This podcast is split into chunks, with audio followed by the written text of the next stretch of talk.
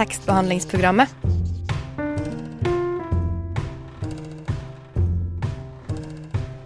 Tekstbehandling på radio. Hallo, alle sammen, og god morgen. Du hører på tekstbehandlingsprogrammet. Jeg heter Julia, og med meg i studio i dag så har jeg Kim Yes. fra Nova Noir. Hallo. Hallo, hallo. Hyggelig å ha deg som gjest. Veldig hyggelig å være her. Og så har jeg tekstbehandler Arthur Trofast. Hei, hei. Godt Hei å ha deg. Og på teknikk så har vi Benjamin. Det er veldig hyggelig at han hjelper oss i dag.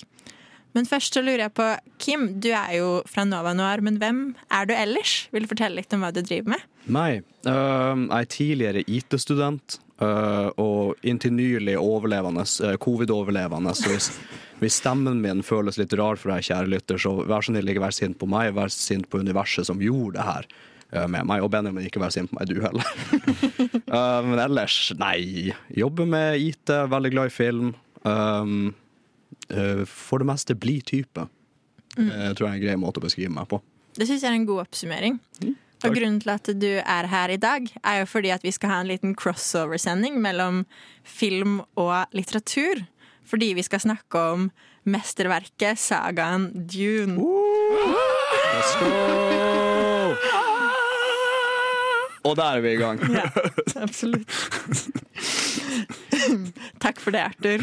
Du har gitt oss en følelse av hvordan denne sendingen kommer til å være. Så kjære lytter, ikke skru av. Det blir mer ubehagelige lyder. Det blir mer stemning og spenning. Vi skal nemlig gå inn i sci-fi-universet i Dune. Vi skal snakke om hva som gjør det særegent, ulike aspekter vi har latt oss fascinere av, ting vi har satt pris på. Vi skal snakke om aspekter som er spesifikke ved boka, ting som er spesifikke ved filmen. Vi skal sette de opp mot hverandre. Og i det hele tatt så, så skal vi nerde skikkelig. Tror du det blir bra? Det blir fantastisk. Mm. Altså, tekstbehandlingsprogrammet, vi er jo kanskje det mest nerdete programmet på hele radioen Nova. Så da er det fint at vi kan nerde litt over film også. At vi kan liksom komme ut av, komme ut av litteraturboblen vår litt. Ja. Så det, det blir kjempegøy. Kjempeinteressant. Den mest ambisiøse crossoveren siden Avengers Endgame. Kan man si. Ja. ja, det blir bra å ha med seg eh, en ekspert på film. Um, det er bra. Men før det så har jeg egentlig litt lyst til å spørre dere, hva har dere lest siden sist? Ja. um, jeg driver og leser uh, en bok av eh, Jean-Paul Sartre som eh, heter Nasha. Ehm, og den syns jeg er veldig bra. Veldig underfundig og merkelig, merkelig bok, men jeg liker den veldig godt. Hvis du er uh, rødhåra, så burde du lese den boka, fordi at hovedkarakteren også er rødhåra. Uh, Så du kan kjenne deg igjen i, ja. i historien. Ja, det er, uh, det er et punkt i boka hvor eh, kjærlighetsinteressen til hovedkarakteren sier sånn derre Oh, what can you do with a man with red hair? Du bare what indeed? ja, what indeed, like fiff. hva skal vi gjøre med oss, liksom? Er det fiksjon, eller hva slags type Ja, bok er det? ja, det er en fiksjon. Det er- handler om en skribent som driver og mister begrepet av virkeligheten sin. Og, ja, det er veldig interessant filosofisk bok. Mm. Yes. Hva med deg, Kim? Har du lest noe spennende i det siste? Um, jeg, er jo, jeg, er dårlig på å lese bøker. Sånn her. Det skal liksom mye til for å hooke meg inn. Eh, litt sånn semi-ADHD-tendenser der jeg er veldig lett for liksom bare begynne å tenke på helt andre ting og begynne å tulle med mobilen og sånne her type ting. Men ble veldig fanga av liksom, den Dune-serien, da, så nå har jeg klart å komme meg til den femte boka. Sånn her, jeg har aldri kommet meg så langt i en bokserie siden jeg leste eh, Harry Potter da jeg var sånn ti år gammel. eller uansett. Så jeg er underveis i den, og så har jeg to andre bøker som jeg kom til halvparten, og så datt jeg av. Det var Hobbiten og Sapiens, tror jeg den heter. Men jeg prøver så godt jeg kan. Prøver å sette meg ned og lese ting. Men så Dune har du kommet ordentlig inn i, da. Ja, absolutt. Uh, sleit litt med den første boka, men så leste jeg andre boka etter å ha sett filmen. Og den er mye mye kortere, og av en eller annen grunn så syns jeg det var mye mer spennende, selv om det ikke er så actionfylt som den første. Så det snowballa bare derfra. Så jeg gikk rett gjennom den. Uh, leste den uh, til og fra jobb på trikken og sånn, og ble ferdig med den på bare noen dager, en uke eller noe sånt. Og så gikk de andre bøkene nokså fort også, og den femte litt tregere, men ballen ruller. Ballen ruller fortsatt. Så sykt kult. Men uh, før vi skal eh, fortsette, fortsette å utforske dette universet, så skal vi høre en sang. Um, Vi skal høre What's the Use med Grapefruit. På tide å skru på tekstbehandlingsprogrammet. Yndlingssykkelen de siste seks-sju månedene er en enhjulssykkel. Vi har Marie Eibert på besøk, jeg og Eline. Marie og Bær. Marie og Bær. Jeg tenker alltid at en T slutter med ø, h, h, h, h, utropstegn, utropstegn. Det er bare tekstbehandlingsprogrammet. Nei, det var ikke så mye å si. Du hører på tekstbehandlingsprogrammet på Radio Nova, og du hørte nettopp Great Fruit med What's the Use. Vi skal snakke om den fantastiske sagaen Dune i dag.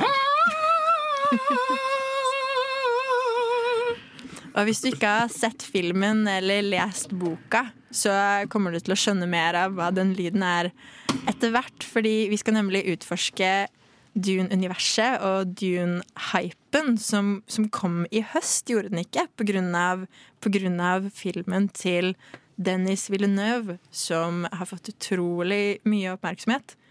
Og jeg lurer på, Arthur, hva er ditt forhold til Dune? Jeg har jo sett filmen. Jeg gikk og så den da den kom ut. Jeg så den på Odion. Um, var det chill? Ja, det var nice. Mm. Det var chill.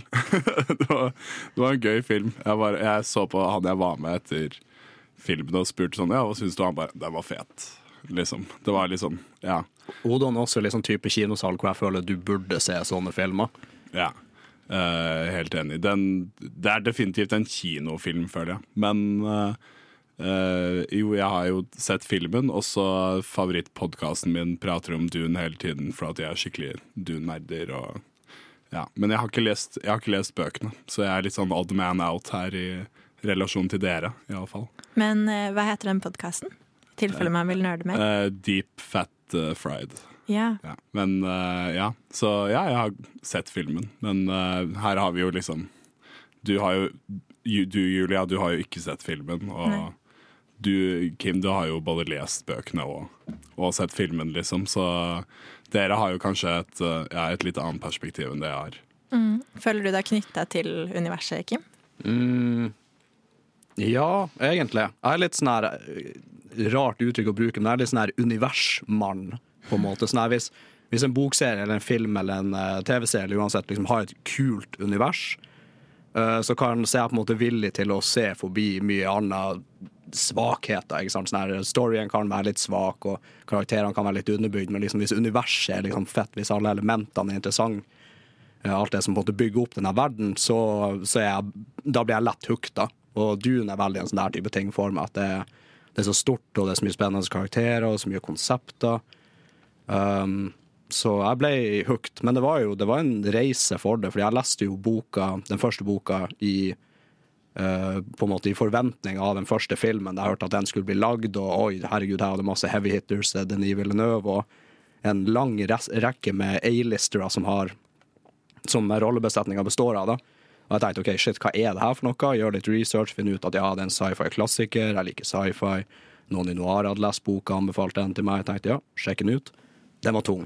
Jeg slet litt med å komme meg gjennom den, men jeg gjorde det for filmen. Jeg så filmen, likte den, og så fortsatte jeg å lese bøkene. Og nå, eh, først etter den andre eller tredje boka, så føler jeg at jeg er sånn, liksom en fan av serien, da. Mm. Så kult. Jeg føler vi er heldige som har deg med oss her i dag, fordi jeg har veldig latt meg fascinere så langt av det jeg har lest, men jeg har bare lest halve boka. Eh, og hovedgreia mi, eh, eller hovedgrunnen kanskje, til at jeg ble interessert i Dune, er fordi jeg har så mange venner som er skikkelig sånn fantasy sci-fi-nerder, og som har snakket om Dune med sånn ærefrykt, liksom. Dette er det største, det beste. Det koster å komme seg gjennom det, men, men det er annerledes fra veldig mye annen sci-fi. Det bryter noen regler, det bygger et univers. Og det har et ganske sånn ambisiøst Det er et ambisiøst prosjekt. Og blant annet så har jeg en romkamerat som liksom jeg vet ikke, Hun, hun har sett, hun har sett liksom filmer, de ulike filmatiseringene, hun har lest bøkene, og familien hennes er liksom så fans at de hadde, de hadde nyttårsaftenfest med Dune-tema, hvor faren var kledd ut som en sånn enorm sandorm. som er mye av fascinasjonen, da. Det er så amazing. Og siden det er faren, så har sikkert han lest boka sånn her lenge før det ble filmatisert, eller noe. Sånn OG-fan av Dune. Virkelig. Dune er jo liksom en sånn en film, og, eller liksom et univers som på en måte har en sånn der, enorm aura rundt seg, litt sånn à la Ringenes herre. Sånn at oi, det her For at det har jo blitt forsøkt å filmatisere Dune før med David Lynch. Uh, og det, den, det er jo en film som på en måte har blitt ansett for å være en av de dårligste noensinne, og sånn, har fått masse kritikk. Bare for at uh, Lynch på en måte ikke klarte å vise hvor stort uh, Dune-universet faktisk er. da. Uh, og at det ikke ble, liksom ble tatt seriøst nok. Jeg har ikke sett filmen selv, men også var det jo også en Dune-film som Jodorowsky egentlig skulle lage, der det var masse sånn der, det hadde blitt den dyreste filmen noensinne. Og, så det er en sånn der umulig aura rundt Dune, føler jeg. Så det er veldig Jeg syns det er veldig kult at uh, den filmen her har blitt laget med en såpass god regissør som vil gjøre det. da. Virker veldig som mann for jobben, og jeg vil beskrive det litt sånn sånn her Det er egentlig et godt eksempel da på en film hvor du har uh, rette person til jobben med de rette midlene og uh, på en måte backing av studioet både til å ha penger nok og på en måte kreativ frihet nok til å lage det sånn som du vil. da. Sånn, man merker at det er sånn labor of love, egentlig. Det er veldig kult. Vi skal komme nærmere inn på det senere. Men jeg lurte på om Kim vil gi oss liksom en kort oppsummering av handlingen, kanskje i første halvdel av boka, da? Det her er jo et, et intergalaktisk føydalsamfunn masse tusen år i fremtida fra vår egen tid. Um, og i det her samfunnet så har liksom menneskene utvikla seg, evolusjonen har tatt dem til masse forskjellige steder. uh, delvis fordi de ikke lenger er avhengig av maskiner eller artificial intelligence, i motsetning til masse andre sci-fi-bøker og verk. Og um, Uh, I det her så har du mennesker som er uh, menneskelige computere, du har uh, damer som nærmest har på en måte hekseaktige kvaliteter ved seg. Og i sentrum av hele universet så har du en ørkenplanet som heter Arrakis, hvor, hvor man finner det mest verdifulle stoffet i hele universet. Spice melange heter det. Det fins bare på den planeten. Det har masse kvaliteter som at det forlenger liv. Og det viktigste er altså tillater det mennesker å foreta interstellar reise uten å måtte liksom være avhengig av roboter osv. Um, og det er et føydalsamfunn, som sagt, uh, og i sentrum av historien da, så har vi uh, Atreides-familien og sønnen Paul som overtar ansvaret for Arrakis. Uh, men de finner jo ganske fort ut at det her er en felle, og da blir jo på en måte Paul liksom slengt litt ut til ulvene, hvor han er nødt å tilpasse seg planeten og alliere seg med urbefolkninga der for å ta hevn på dem som har gjort han galt. Det er en uh, veldig god oppsummering, vil jeg si. Takk. Det var spice, spice melange, du sa. Så de, de steker ikke med smør i, uh, i, på Arrakis. De, det, ting, det, det er sånn ultraverdifullt, men i boka så bruker de som bor på Dune, på Arrakis, de bruker det sånn til alt. De har det i kaffen sin, de sniffer det liksom, og eh, ja, helt sikkert steker kotelettene sine i, i Spice Melange. Spice er, det er et av de mer fascinerende aspektene ved Dune, som vi skal komme tilbake til senere. Men først så skal vi høre en låt. Hvis du går hjem med noen og de ikke har bøker, ikke knull dem. Hilsen tekstbehandlingsprogrammer. Der hørte dere Må jeg vite alt av Pikeskyss. Og du hører på tekstbehandlingsprogrammet, og vi er her og snakker fremdeles om sci-fi-universet i Dune. Det, det er vakkert. Vakrere for hver gang. Og mer blir det. Ja, slutt. Arthur, jeg lurer på, liksom, bortsett fra den uh, musikalske lyden der, eller ja, de lydeffektene der, hva, hva er det du finner særegent ved, ved Dune? Jeg, jeg, det, jeg, jeg føler det er størrelsen, på en måte. Størrelsen av historien er så Det er så enormt, liksom. Og det er så Jeg syns det, det som er fantastisk med Doom, det er at de klarer å på en måte kombinere eh, på, grunn av på at de folkeslagene på en måte har valgt å gå for menneskelig evolusjon, og på en måte frakasta seg så mye sånn teknologi og sånn, så syns jeg det er en veldig sånn bra kontrast mellom hvor stort og sånn hvor episk historien er med hvordan det er veldig sånn jordnært samtidig, på en måte. Bare liksom hvordan eh, sånn design og sånn på, eh, på Eller liksom hvordan for, Hvordan øh, flyene deres da for eksempel blir fremstilt. Veldig sånn derre dyreaktige, insektaktige ting, liksom. Det er veldig sånn mange sånne der dikotomier da i Dune som jeg syns er veldig interessant. Jeg kunne ikke sagt, kunne ikke sagt det bedre sjøl. Jeg tenker egentlig akkurat det samme. Det er at du, du, du har et, et, et, svært og enormt univers, og så er liksom essensen av det koker ned til noe så enkelt som eh, på en måte mennesket. Da. Det er liksom det som har fokuset. Og evolusjonen av mennesket, og hvordan liksom funksjoner de kan forskjellige funksjoner de kan tjene hvis man har et folkeslag på én planet som utvikler seg et sted, og et folkeslag på en annen planet som utvikler seg en annen, eh, og forskjellige hensikter. Og så er det jo også bare det at det, det har så mye i seg. Det er liksom psykologi i det, økologi, filosofi etc. etc. Og så må man selvfølgelig ta alt det med en klype salt, fordi det er jo tross alt bare én dude som har skrevet det. Han har jo ikke akkurat doktorgrad i alle de her feltene, men prøv å blande det inn, og scopet blir veldig, veldig svært. Det er tematisk veldig, veldig stort eller bredt, liksom. Det mm. toucher innom mye. Men det dere snakker om med gruppene, det skaper jo også en hel del konflikt, vil jeg si. Og det er jo der spenningen og framdriften i fortellingen kommer fra. Hvilke konfliktlinjer er det som, som vi liksom følger, og som er uh, interessante? Man ser jo Det var jo et føydalsamfunn, så det er jo litt med familiene. Men familiene har ikke så stor rolle, bortsett fra tre stykk. liksom på en måte Protagonistfamilien, som er Tradies, og så er det på en måte skurkene, som er Harkonnen, og så er det dem som er Emperoren. Uh, men det er på en måte mer det forholdet mellom de her familiene og de andre factionsene da, i universet. Mm. Uh, så du har Chome, som er en forkortelse for noe som jeg ikke husker, men det er basically sånn handelsorganisasjon. Det er dem mm. som hva skal jeg si, sånn World Trade Organization-type greier. da. Uh, og så det også Spacing Guild, som har monopol på frakt av ting, uh, varer uh, og alt mulig rart innimellom planeter. Og liksom den politiske makta de har. Og til, til, slutt så er det kanskje de Bene Gesserit-heksene, som er egentlig ikke hekser, de er bare supertrente mennesker som i den grad at de kan, de kan lukte på deg om du er redd. Mm. de er supersterke, liksom, og de kan, hvis de blir forgifta, så kan de endre metabolismen sin til å liksom kontre denne gifta sånn innad i kroppen. Eh, og de styrer jo da liksom mye sånn i skyggene og alt mulig. Hele Paul sin historie kommer jo, kom jo, litt av det, at de har noen eh, hensikter med, med, tingene som skjer. Og så er Paul en av de tingene som kanskje ikke gikk eh, som forventet. Mm, han, han, er jo basically avla opp gjennom programmet deres til å bli uh, Quizzats Haderach. Jeg vet ikke om det er sånn man uttaler, mm. men jeg prøver så godt jeg kan.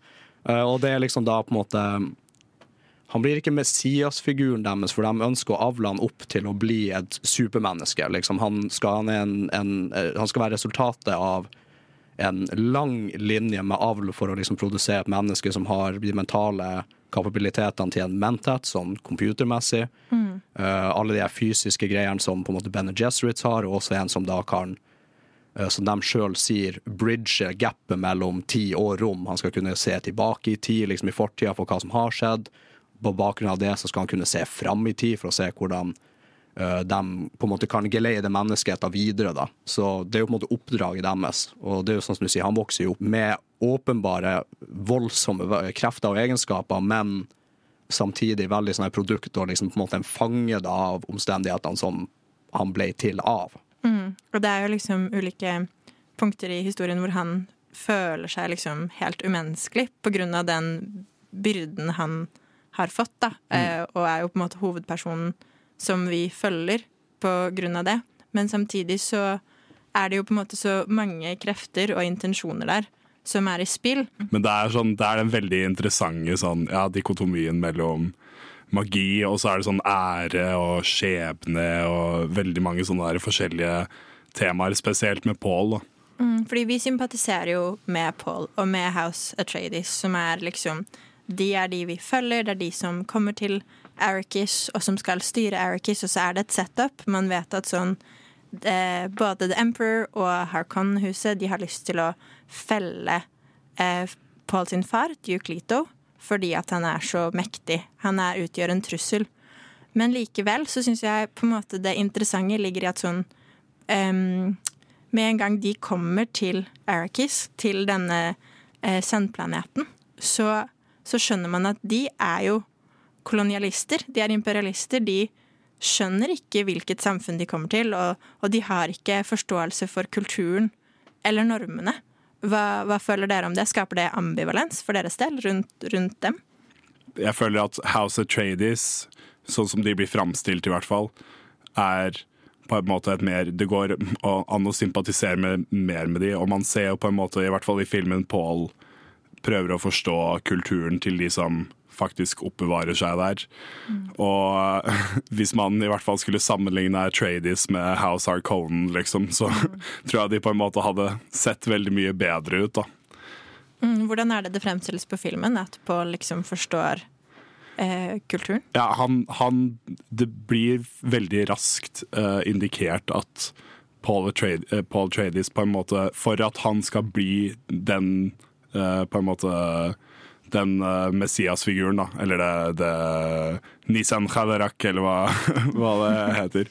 Så er det helt uunngåelig at han på en måte forstår uh, Fremen-kulturen til uh, urfolket, da, som beholder seg på Arrakis. For det er Fremmen-folket. Mm.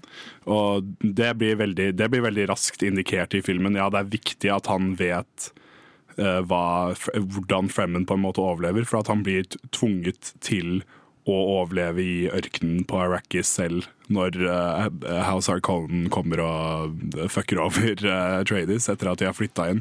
Og det er også en greie med, bare sånn for å gi litt sånn kontekst for Fremen, det er urfolk, som du sier. De har liksom bodd der gud vet hvor lenge, og de er liksom spesialtilpassa mennesker for ørkenplaneten. Uh, og de har jo da vært lenge undertrykt av det Harkonnen-huset, som er på en måte den slemme familien. De er i hovedsak ganske brutale, de er mye motivert av penger og så mye gevinst som mulig. og Det er en av grunnene til at de har ansvaret for denne veldig uh, verdifulle planeten på vegne av imperiet. Mm. Um, så når Atreides-familien uh, kommer, da, så er jo dem um, Hva skal jeg si Fremenene de ser jo veldig fort til Paul, da, fordi han har på en måte blitt spådd i religionen deres, at han skal liksom være en sånn figur for dem. men selve Tradies-familien blir jo liksom litt sånn uglesett, fordi de er jo for dem bare nok en gjeng med folk som kommer og bare Der fikk dere totalt styr over hele planeten vår og oss, uten at vi hadde noe vi kunne sagt i det hele tatt.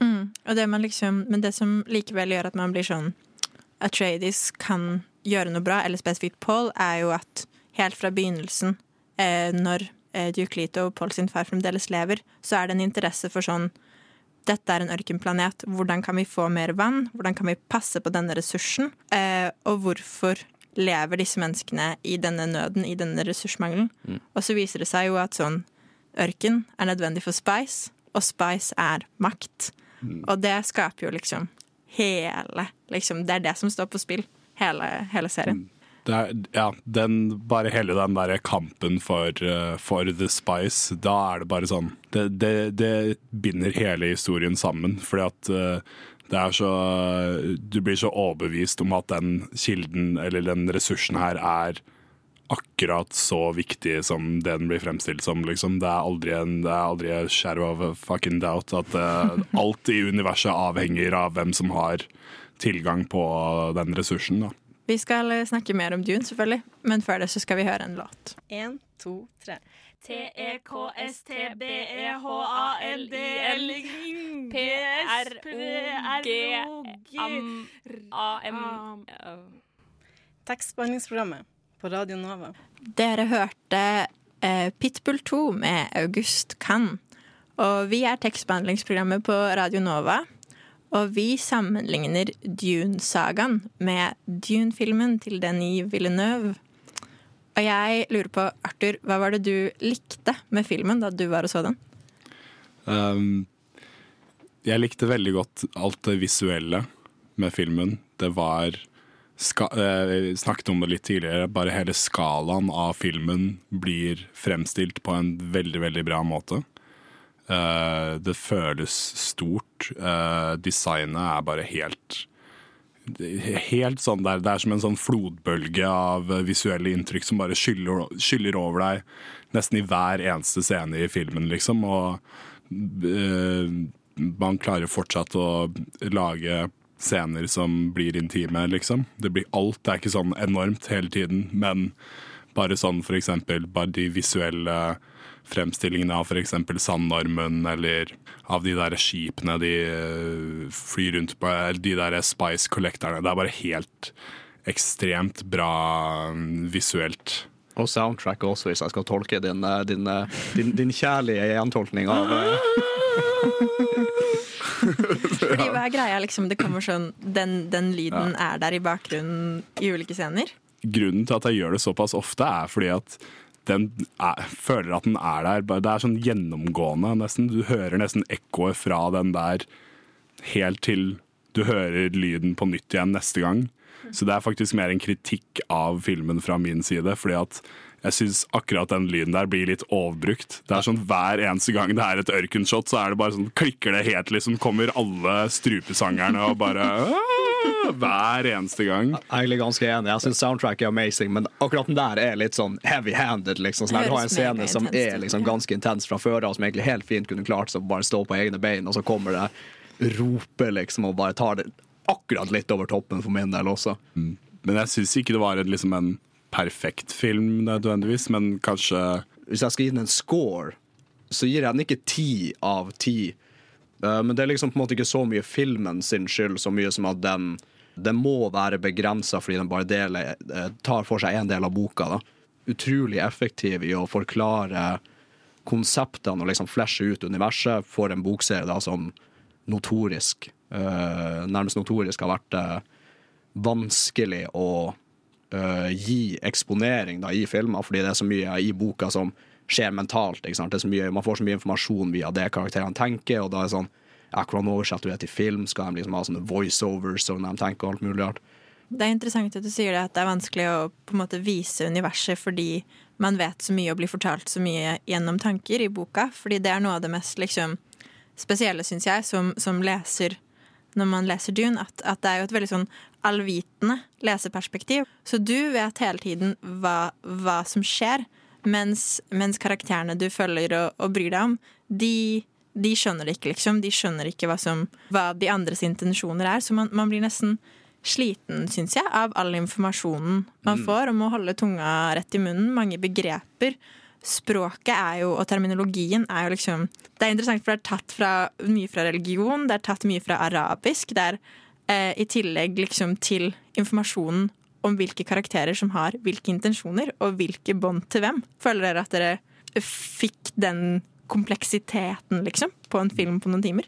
Til en viss grad, egentlig. Jeg føler at Jeg vet ikke om den filmen på en måte kunne vært mer eller liksom tregere enn det den var i starten, på en måte. For at den tar seg relativt god tid på å bygge opp eh, storyen. Jeg føler liksom ikke at nødvendigvis at alle disse her dype, sånn komplekse relasjonene mellom karakterene nødvendigvis ble fremstilt på en sånn Oi, det her er bare et sånn der stort nettverk der alt henger sammen type måte. Ble, jeg føler nesten det ble liksom mer fremstillinger av ideer av hvor, hvor karakterene står, ikke den, liksom de nære relasjonene, kanskje. Og jeg føler at den store elefanten i rommet med den filmen her, er at det er, det er bare som en sånn stor eh, edge, liksom. Er, du blir bare edga hele filmen. For at det er sånn Jeg føler at det er som at jeg drar på Nei, at jeg liksom drar på en date eller noe, og så er det sånn jeg Vi sitter der bare og spiser middag, og det er det, det, er det vi gjør. Og så er det sånn vi, Det er mye sånn Vi ser hverandre i øynene, liksom, og det er, det er bra, og det er eh, Ja, det er tension, liksom. Og så er det bare sånn Middagen er ferdig, og da Ferdig, liksom. Det er det jeg føler er liksom problemet med filmen. For at det er bare en helt totalt ukomplett historie. da. I motsetning til f.eks. 'Ringenes herre', den første filmen av 'Ringenes herre'. Som jeg føler slutter og kan stå som sin egen film, på en måte. Litt som Harry Potter 7 del 1. Eller sånn ganske kjedelig, veldig fin, veldig mange ting man trenger å forstå. Og så skjer all action i, i del 2. Jeg går ut fra at det også kommer til å skje med den andre, andre Ja, delen. i hvert fall hvis man skal tro det Denis Villeneuve sier sjøl, så var det sånn ja, den første du må sette opp alt mulig rart, og så er den andre filmen det er liksom der mesteparten av eh, action og sånn her payoff blir å skje. da.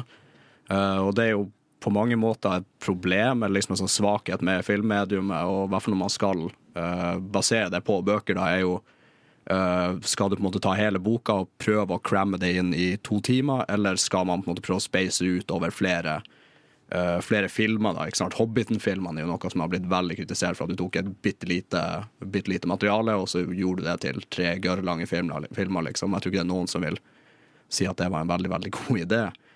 Um, så jeg er jo både enig og uenig. Det er litt sånn her uh, Filmen ender på et veldig naturlig sted i boka, del én. Jeg syns den liksom dekker den bra, men jeg er også enig med det Arthur sier, at ja, du ja, det er litt sånn edge, edging, på en måte. Sånn her, vi må få en del to. Og det gjorde meg ekstra irritert over at studio egentlig holdt del to som et jævla gissel, liksom. Eh, del to ble jo ikke confirma før etter at Dune hadde vært ute i eh, en måned i USA, og på det tidspunktet så hadde de vært ute enda lenger enn det i Norge. Og det, liksom, Denis Villeneuve var jo sjøl ute i media bare sånn Please, se filmen, gå og se den på kino. Jeg følte, meg, jeg følte at jeg hadde et ansvar for å liksom bruke pengene mine for å liksom funde den neste filmen, sånn at jeg kunne se den fulle historien. Pluss at sånne ting er bare så trist eh, av prinsippet at sånn, det må være en kommersiell suksess for at man skal faktisk finansiere noe som er sykt kul kunst. Da. Men føler dere liksom spenningen eh, Spenningen som jo burde være i et sci-fi-univers, den stemningen, selv om det er en langsom film, var den til stede? Ja, jeg, jeg syns det. Da jeg satte meg ned i setet mitt i kinosalen, så var jeg i det universet. Og da må den nødvendigvis være en veldig bra film, tenker jeg da. Men eh, jeg følte at spenningen var der ganske bra gjennom hele, egentlig. Jeg føler at uh, Harkonnens kunne liksom blitt representert enda ondere. Eh, de kunne vært enda verre. Selv om de naturligvis dreper sånn tusenvis på tusenvis av mennesker og sånn, men jeg skulle ønske vi på en måte kunne få se litt mer av den skiminga til eh, Baron Harkonnen, da, for eksempel. Det er jeg veldig veldig enig. Jeg tror, jeg tror det som hjelper litt med spenning også, at filmen og boka er jo veldig hardhendt med karakterene sine. Eh, folk dauer i del én allerede. Liksom. Storyen har så vidt begynt, og vi mister jo allerede det som eh, ser ut til å være veldig sentrale figurer fremover. Eh, litt, nesten litt sånn Game of Thrones-aktig, ikke sant? Ja, veldig. Uh, og da, da sitter du jo litt igjen med den følelsen at ok, det er jo egentlig ingen som er helt trygg i det her. Nei, det, jeg, synes, jeg tenker også tilbake igjen på et punkt i filmen da um, Paul Atreides er bare veldig sånn ambivalent. Eller ikke ambivalent engang. Han, bare, han føler bare at han hater kreftene sine. Jeg syns det var liksom kanskje et øyeblikk som ikke traff på den seriøse, spennende måten som det egentlig kanskje skulle gjøre.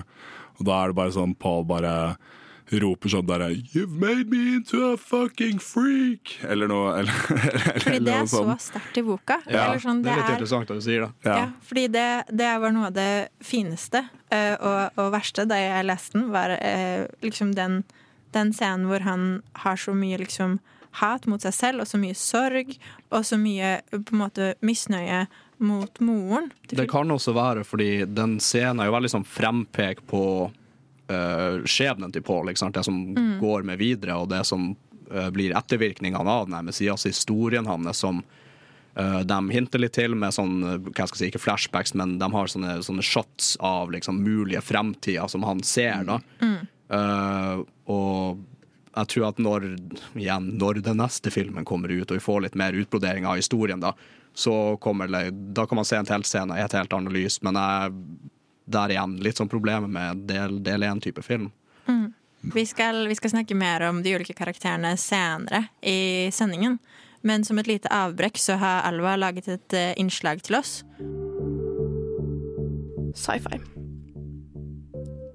Jeg tror faktisk jeg aldri har lest en sci-fi-bok. Og det er egentlig litt merkelig, fordi jeg liker sci-fi-filmer og serier, men jeg har liksom aldri kommet meg så langt til å faktisk sette meg ned og åpne en sci-fi-bok. Har liksom ikke helt tatt meg tid til å prioritere den verden. Så her har du tre gode grunner til hvorfor jeg aldri har lest en sci-fi-bok. Jeg vet ikke spurte, men eh, her får du det. For det første, ordet sci-fi, det skremmer meg litt. Bare, bare smak litt på det ordet sci-fi. Sci-fi. Science fiction. Jeg vet ikke, det høres fjernt og litt metallisk ut. Og så har det liksom en, sånn, en, en kaldhet i seg. Og så, helt ærlig, så blir jeg kanskje litt redd for bruken av science i det. Hva skal liksom menes med det? For det andre, så føler jeg at jeg ikke har tid. Jeg vet, en klassisk unnskyldning. Men til mitt forsvar eh, så skjer ofte sci-fi-litteraturen i mange, mange, mange bind. Og akkurat nå, eh, som en student med en bachelor som forhåpentligvis skal skrives, eller bør skrives, så er jeg litt redd for å bli dratt inn i en verden jeg kanskje ikke kommer ut av med det første. Og sist, men ikke minst, dette er kanskje mitt mest kyniske eh, punkt, eh, så orker jeg ikke å bli dratt med dratt inn i en pessimistisk tankegang om at verden går til helvete. Det blir liksom litt for ekte. Og det er så ekstremt mye content å ta av. For hele verden ser ut til å gå inn i en slags teknologisk revolusjon uten like. Og jeg kjenner at akkurat nå, i vintermørket, så har jeg liksom ikke helt kapasitet til å bli konfrontert med de fryktene nå. Så der har du mine grunner. Tre grunner. Vær så god. Og jeg veit jeg skjærer alle science fiction over en kam og bruker alle de fordommene jeg har mot science fiction. Og derfor tenker jeg for liksom dra opp eh, stemningen litt, at jeg skal lese um, et sitat fra Dune. Og hvis folk har sett filmen eller lest boken, så vet jeg definitivt hva sitatet dette her er. I must not fear. Fear is the mind killer. Fear is the little death that brings total obliteration. I will face my fear. Og kanskje er det akkurat det jeg skal gjøre. Face my fear og ta opp en sci-fi-bok.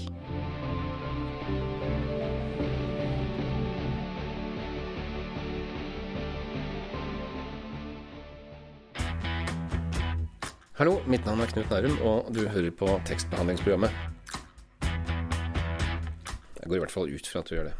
Og der hørte dere eh, 'Change It' av Linn Sjøren. Vi er tekstbehandlingsprogrammet på Radio Nova, og vi har snakket oss gjennom ganske mye av det som fascinerer oss ved Dune-universet. Men det vi har kommet innom flere ganger, er jo Soundtracket! Soundtracket! Nettopp soundtracket er det som sitter liksom dypest. Beklager, Julia. Hva er det vi har kommet gjennom? Unnskyld. Jo det er, det er absolutt det vi har kommet gjennom. Men vi har også liksom kommet litt inn på karakterene. Vil du ikke si det? Ja. Nei, det er jo veldig mange forskjellige interessante karakterer i, i Dune. eh, spesielt Paul Atreides. Vi har jo snakket en del om eh, han eh, tidligere. Eh, jeg syns jo også at eh, moren hans, eh, som blir spilt av Rebecca Ferguson, gjør en veldig, veldig bra jobb i, eh, i filmen. Mm, enig. Enig. Det er jo på en måte et litt sånn Det er jo et sånn all-star-cast. Vi har veldig mange forskjellige veldig gode skuespillere. Vil dere nevne noen? Rebecca Ferguson ble nevnt. Uh, jeg syns jo at Oscar Isaac som Duke Leto er veldig veldig god, om ikke noe annet, fordi skjegget hans er majestetisk as fuck, Ja, liksom. On fleek. On fleek, ja. Og Javier Bardem også som Stilgar syns jeg er veldig veldig bra. Uh, vi får er ikke sett han så mye i denne filmen, men kommer til å få se han mye i neste film, og det gleder jeg meg veldig veldig, veldig til. Stellan Skarsgård som eh, Baron Harkonnen. Han var Jeg skulle ønske vi så mer av han, for at jeg føler at han passa veldig godt til den, til den rollen. At han bare er en sånn derre Sånn Jabba the Hutt-lignende person som bare flyter rundt og Det passer bare med ansiktet til Stellan Skarsgård, I guess. Og det er sånn jeg har sett det, måten de uh, Fordi han han er jo smellfeit i boka. Sånn, grunnen til at han flyger rundt, er at han er literally for feit til å gå. ikke sant? Uh, og måten de liksom har lagd kroppen hans de har, Han brukte timevis hver dag han var på settet for å lage en sånn svær cast uh, liksom rundt kroppen sin. da Sånn at han skal se ut som en, uh, en uh, et neshorn av en mann, som Frank Herbert beskrev karakteren som. Oi, shit. Har du noen favoritter? Jeg eh, liker jo veldig godt Jessica, eh, som alle andre, føler jeg. Moren til Paul. Eh, jeg syns at hun eh, det, Jeg liker henne sikkert også bare fordi at hun er en av de få kvinnene man møter helt i starten. Eh, og hun er en på en måte relief blant alle de mennene som trener og lærer opp Paul. Sånn vi har Dr. Yue, vi har eh, Havet, vi har eh, Duncan Idaho. Det er, så, det er så mange mektige, gode eh, menn, ikke, altså, ikke minst eh, Duke Lito, selvfølgelig, Mm. som, som åpenbart liksom representerer ulike styrker som Paul skal få. Men det man fort skjønner, er at det som kanskje er mest avgjørende for at akkurat Paul blir Paul, er jo de Bene Gesserit-evnene som det er Jessica, som har gått på disse Bene Gesserit-skolene, som lærer han opp i. Og det at hun har så mye selvkontroll og er så sterk, men likevel på en måte har måttet finne en plass i, i House of Trades fordi at hun er Duke uh, konkubine, da. Det er eh, Man skjønner etter hvert at det er krevende. At hun har tatt et valg, at hun har gjort noen ofre. Um, det syns jeg, jeg er spennende. Føler, føler dere at de liksom utforsket det noe i filmen? Eh, Jeg, jeg syns jo at hennes eh, Eller Rebecca Ferguson som Jessica var den beste karakteren i filmen. Mm. Eh, nettopp fordi at hele den derre Liksom det som er i bunnen av karakteren hennes i filmen, er på en måte dragningene mellom Bene Gesserit og Atreides. Mm. Og i sentrum av det er eh, Paul Atreides, da, sønnen hennes. Mm. Og det som er veldig interessant Det er et sånn, um, en uh, samtale der uh, Lyra Atreides og henne prater. De snakker liksom om OK, greit, hvis du måtte velge mellom uh, liksom, Kommer Bene Gesserit til å beskytte Paul, Paul, liksom? For at det er en veldig sånn derre konflikt mellom Atreides og Ben Gesserit. Og eh, hun, bare, hun sier sånn Ja, jeg står bak Paul hele tiden. Men han er sånn Ja, men gjør Ben Gesserit det? For at de har jo sine egne, egne intensjoner, sine egne på en måte hensikter i universet, da. Det er liksom Ben Gesserit og hennes rolle som det, fordi de er jo Konteksten deres, eller sånn hele greia deres er jo at de gjør jo ting eh, som kommer til å ha en payoff om, om 100 år, eller 1000 år, eller 100 000 år. Sant? De dedikerer livet sitt til en sånn higher purpose. De blir jo veldig sånn upersonlige, de blir veldig sånn umenneskelige folk, egentlig. De er liksom bare lever bare for en task. Uh, men så gjør jo på en måte ikke hun det. Hun er jo konflikter mellom den her morrolla og rolla si som en konkubine, og det å være en Bene Gesserit. Det er sånn, Man får definitivt en følelse i filmen av at hvis Bene Gesserit hadde ment at det var hensiktsmessig å bare drepe Paul Atreides nå, så hadde de gjort det, på en Mhm. måte.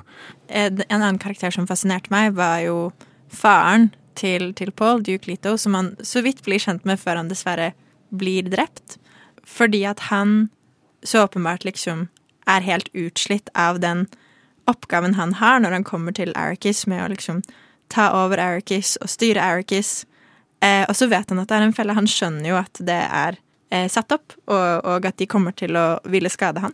Men likevel så prøver han å manøvrere og kontrollere situasjonen for å få noe ut av den, og for å beskytte Jessica og Paul. Um, hva, hva følte dere om liksom, han i filmen, og generelt? Jeg syns han gjorde en veldig bra rolle, og det er jo, som du sier, de blir jo sittet i sjakk helt fra starten av, han er jo klar over det, og han blir jo veldig sånn her Han for meg er liksom den der um, embodimenten av Atreides, ikke sant. Sånn her, Mm. de, er, de, er så, de er skikkelig sånn her æresfryktige folk, de inspirerer masse lojalitet, og da har du liksom sånn her den der eh, sterke, liksom sånn her eh, disiplinerte eller ærefulle eh, lederen da ved helmen.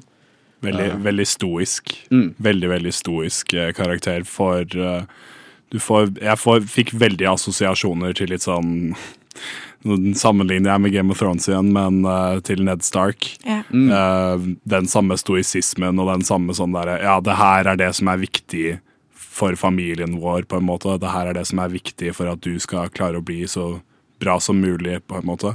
Jeg synes, men jeg er litt sånn lei meg for at vi ikke fikk sett mer av han, på en Mm. måte. For at han bare er Han blir jo bare Nei, han blir jo drept med en gang, basically. Så det, det er en del karakterer som jeg syns blir kutta litt kort, og der igjen filmmedium, kort tid og alt mulig rart, men uh, du nevnte han Havat, Huvir Havat i Mentatsene. Uh, Mentaten til han Baron Harkonnen, han Peter de, de Rees, som også er en utrolig interessant karakter, for han er en sånn twist av Mentat. Han er basically en på bare at han er sånn augmenta til å være en psykopat, liksom. Ja, og det spillet, ja, det liksom spillet mellom han og Baron Harkonnen er jo superinteressant i boka, men vi ser ingenting av det i filmen. Ja, det, det, det er noen karakterer som rett og slett ikke får skinne skikkelig. Og i tillegg så må vi jo, når du først snakker om det, nevne Yue, Mm. som er han som også har um, lært Paul, vært Paul sin lærer, og så ender han opp med å svike House for Trades. Eh, men også fordi at han har egne intensjoner og egne ønsker om at det kan være en vei til å få Harkonnen-huset til å gå under, da, eller i hvert fall eh, baronen, The Baron, til å, til å dø. Eh, og så feiler den planen. Men det er liksom den blandingen av- at han sviker dem, men han gjør det for en mer langsiktig plan, og da ser man igjen det derre OK, det er folk som ønsker ting og vil ting her, og alle har ulike hensikter. Vi skal snart eh, begynne å runde av, men før det så skal vi høre en sang. Tekstbehandlingsprogrammet. Når du vil lese med øra.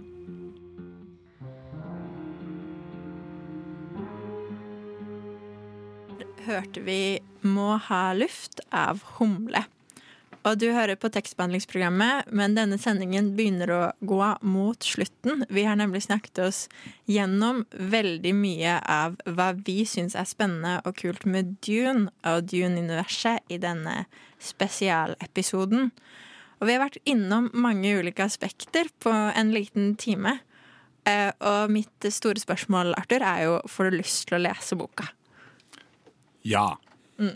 Det får jeg. Jeg, jeg er litt sånn derre Litt sånn Jeg føler meg litt sånn liten i lyset av hvor enormt mange, mye, mange sider jeg må igjennom Mm. for å lese det. Men det er, det, det er jo ansett som liksom the sci-fi classic, liksom. Og jeg er jo en Jeg er jo glad i klassikerne, så Mens vi er inne på det, hva blir neste sending? Klassikerne! Det er sykt spennende. Det, Ja. det er bare å høre på oss videre. Du kan høre på oss hver onsdag fra 10 til 11 på Radio Nova.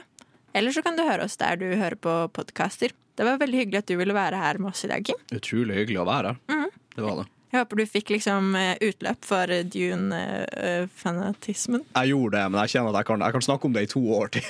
Så når den neste filmen kommer, så skal jeg se om jeg finner noen flere folk her på huset som, eh, som kunne tenke seg å snakke om det med meg. Så hvis jeg kommer gjerne tilbake for en del to. Jeg tipper jo vi må ha en oppfølgingssending når den kommer. Og da kan jeg lese del to av boka til den tid. Men tusen takk for at dere var her med meg i studio i dag. Arthur Henriksen, Kim Sverre Hilton og Benjamin på teknikk. Tusen takk. Vi høres neste uke. Takk for nå. Not anymore.